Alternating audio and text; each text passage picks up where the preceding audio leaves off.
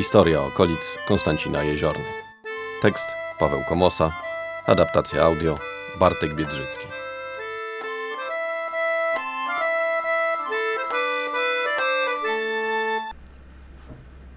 Kępa Falenicka.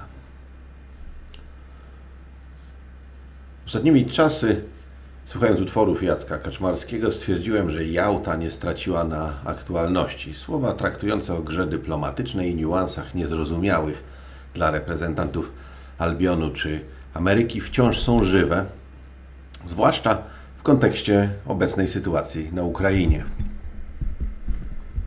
Komu zależy na pokoju, ten zawsze cofnie się przed gwałtem. Wygra, kto się nie boi wojen. Powraca ze zdwojoną mocą. Jest jednak inna piosenka Jacka Kaczmarskiego, która wiąże się z dzisiejszym wpisem i można odtworzyć ją podczas czytania, czyli Rejtan, raport ambasadora. Kimże był Rejtan, przypominał, nie będę, jak można usłyszeć, Poniński, łajdak jakich mało wezwań do straż, do dalszych prac. Polecany jest.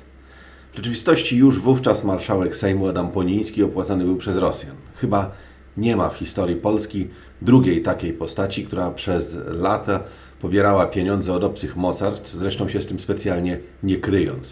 W trakcie pierwszego rozbioru korumpował posłów opłacany przez Austrię, Prusy i Rosję, która wypłacała mu odtąd regularną pensję.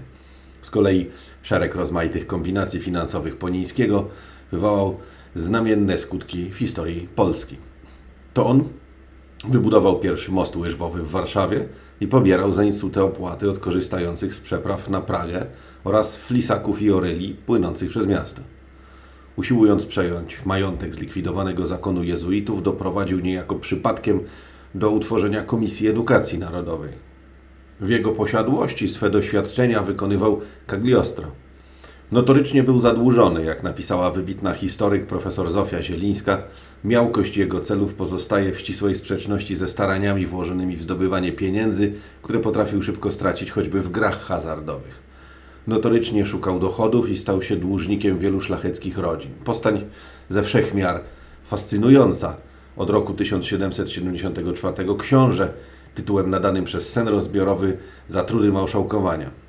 Wreszcie na Sejmie Wielkim w roku 1789 zapadła decyzja o jego aresztowaniu i doprowadzeniu przed sąd za branie pensji zagranicznych i służenie interesom zagranicznym na szkodę Rzeczpospolitej.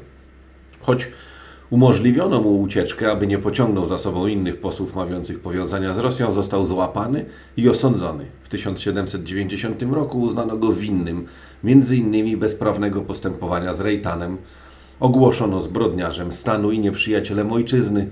Odebrano tytuły, ordery i szlachectwo.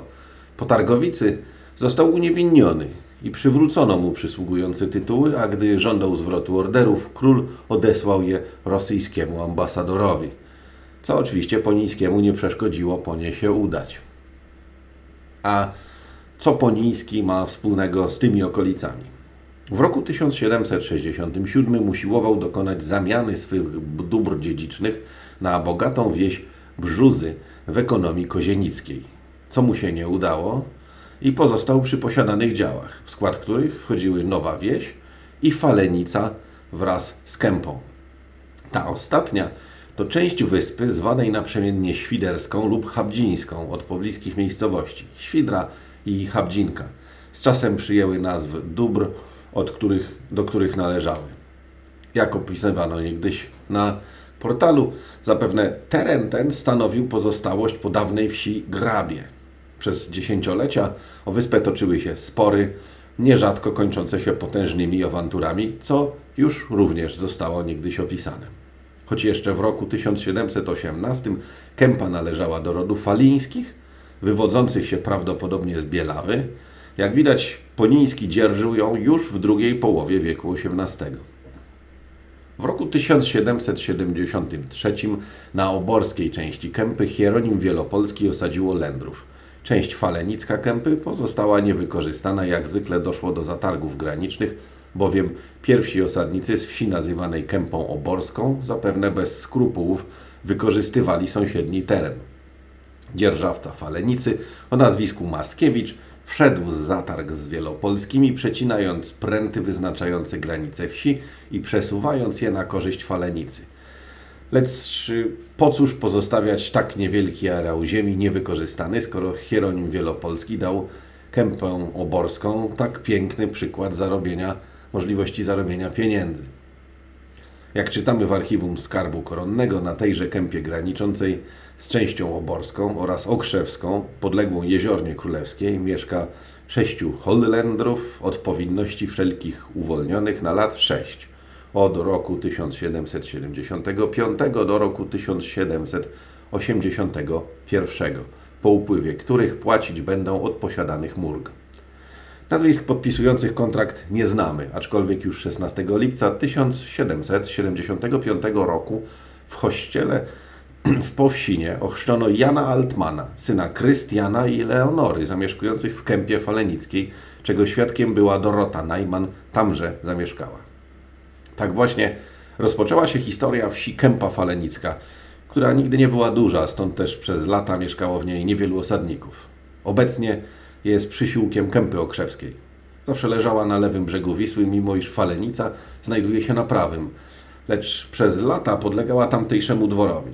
Po śmierci Ponińskiego przejęli ją jego wierzyciele, a kolejnym właścicielem stał się pierwszy biskup nowo utworzonej diecezji warszawskiej Józef Miaskowski. A skąd Kępa Falenicka w gminie Konstancinie Ziorna? Na dobre i na złe rozłączono ją z dworem falenickim po powstaniu styczniowym. Ale o tym innym razem.